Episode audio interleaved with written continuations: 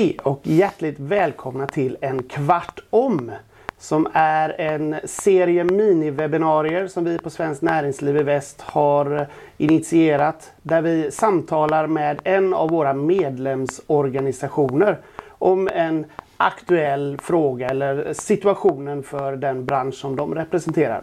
Jag heter Rudolf Antoni och är regionchef på Svenskt Näringsliv i Västra Götaland.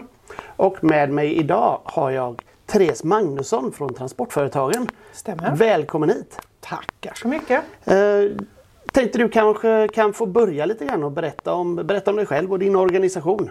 Ja, jag jobbar ju som sagt var som förhandlare då på Transportföretagen och eh, det är ju en bransch och arbetsgivarorganisation och eh, vi finns i sju branscher och eh, inom transportsystemet. Och vi har 9200 medlemsföretag som tillsammans har cirka 200 000 eh, anställda.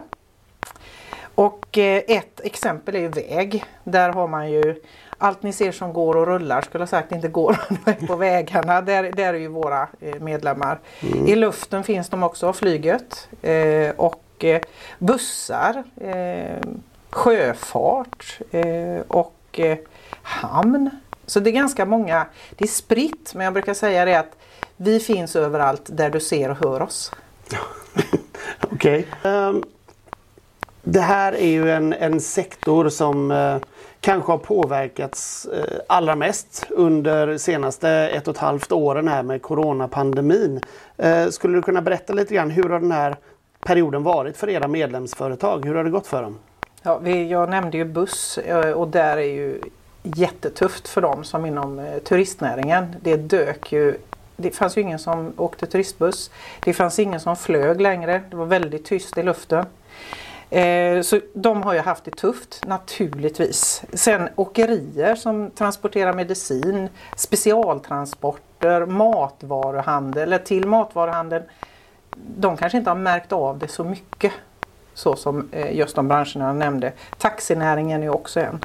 Eh, och eh, det är ju eh, om vi skulle återgå till någonting som är normalt så vet man ju inte hur det ser ut idag. Jag tänker att det är väl också så att lite av en splittrad bild ifrån den sektorn eller de Exakt. branscherna.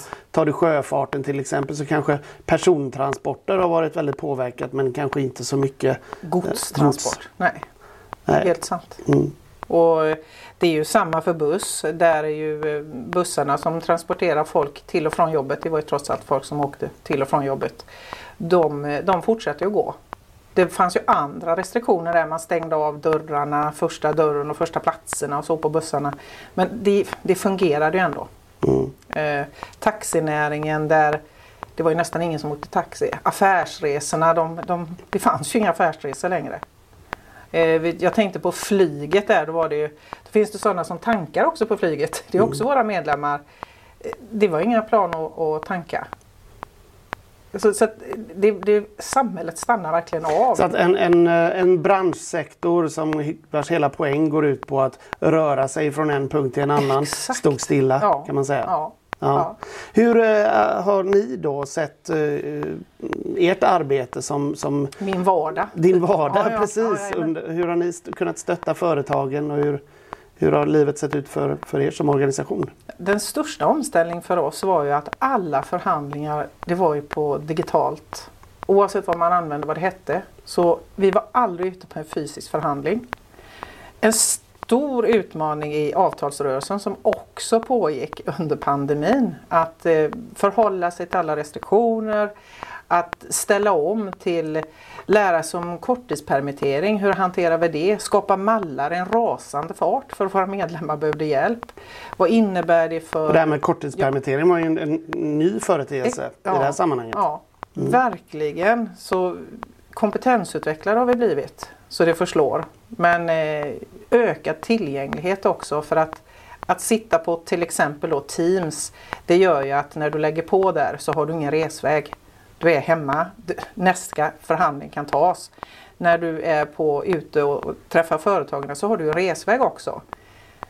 Men vi längtar ju ut, alltså vi längtar ut våra företag våra medlemmar. Men eh, jag Jag hoppas att våra medlemmar tyckte att vi var tillgängliga, att vi har ställt upp under pandemin. Men det var en stor omställning. Mm. Det var det. Nu befinner vi oss i lite av ett, eh, ett nytt läge. Eh, Stora delar av näringslivet går väldigt bra. Eh, Andra delar av näringslivet tänker att ja, men nu med de lyfta restriktionerna här så blir det en rivstart. Eh, Hur ser det ut för transportbranschen just nu? Jag funderar på den för att de här eh, behovet av transporter kommer säkert att öka igen. Och de som har kört de, har ju redan, de är ju redan inne i det. Men eh, det jag tittar på mycket det är ju eh, eh, vad ska man säga, att man höjer eh, Alltså folk behöver, de behöver anställa så mycket just nu för att det, man, har ett, man har ett behov av att snabbt ut eh, hjälpa till. Vad är min personal? Det var det jag skulle komma till. Att man, anställningen eh, det är en rivstart. Man behöver kompetent personal nu. Så att man är ute på jakt efter, efter kompetens? Ja, ja och den är inte det är ju svårt. Alltså alla, har ju, alla suger ju upp så mycket så att eh, det, jag tänker att det blir en stor rivstart eh, i mångt och mycket. Mm. Och en stor utmaning kan jag tänka mig. Jättestor utmaning. Var finns de? För det var väl även före pandemin så var det väl inte helt lätt att hitta den kompetens man behövde för transportsektorn. Nej, nej. Det är ju inte vanliga B-körkort. Det är ju det är tung lastbil. Det är, liksom, det det är inte det vanligaste körkort du behöver inom transportnäringen. Och det, det tror jag är en stor utmaning. Mm. Mm. Och det flaggar de ju för mycket. Även bussföretagen säger det. Vi behöver bussförare. Jag vågar inte ge mig kast med siffror för att det, det, det kan bli helt fel. Men det är väldigt många bussförare som finns. Mm. Eller som behövs menar jag. Mm. Mm. Eh, kan ju vara en lösning också naturligtvis. Men eh, det är en utmaning. Ja, absolut. Eh, sen har vi det här med, med under krisen här så är det många som har nyttjat olika former av stödåtgärder. Vi pratade om korttidspermitteringar här Exakt. innan. Eh, det finns ju också det här med att man kan, kunnat skjuta upp skatten. Ja. Eh, finns det risk att man kanske när den här skatten nu ska betalas in att man inte har möjlighet att göra det? Har man haft någon möjlighet att tjäna in de här pengarna? Så att, eller har man bara skjutit problemet framför sig? Det är en bra fråga men den kanske inte ska ställas till oss.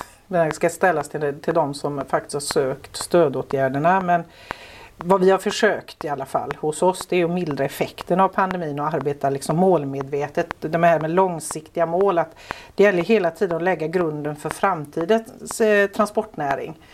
Eh, vad det innebär och effekterna av det är jätte, jättesvårt att svara på. Mm, mm.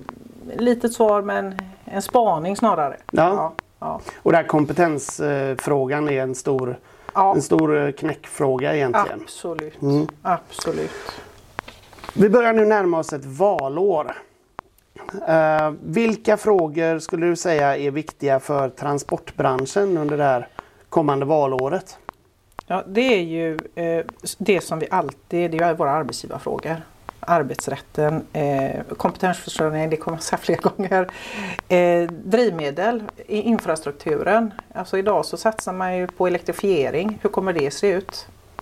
Det vet man ju inte riktigt. Men det är ändå viktiga frågor som vi eh, försöker att uppvakta vem det nu behövs uppvaktas för att det ska hända. Eh, och eh, det tror vi är viktigt för våra medlemmar också. De, Mm. de punkterna som jag nämnde. Mm. Ja. Om du ska då slutligen här ge oss några medskick. Mm. Ehm, vad, vad, är, vad är de tre viktigaste medskicken du har från transportföretagen? Vi brukar säga att vi är blodomloppet, samhällets blodomlopp.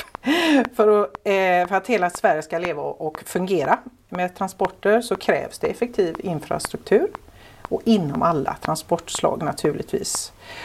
Och eh, varje medlemsföretag de har en roll att spela i det svenska transportsystemet vilket är trevligt för oss. Och sen eh, så lämnar vi ju ett år och kanske två år av eh, stora utmaningar och går in i ett nytt år som präglas av fortsatt osäkerhet. Vi vet inte, man spanar, man försöker ligga fram, i framkant men det är ändå spännande.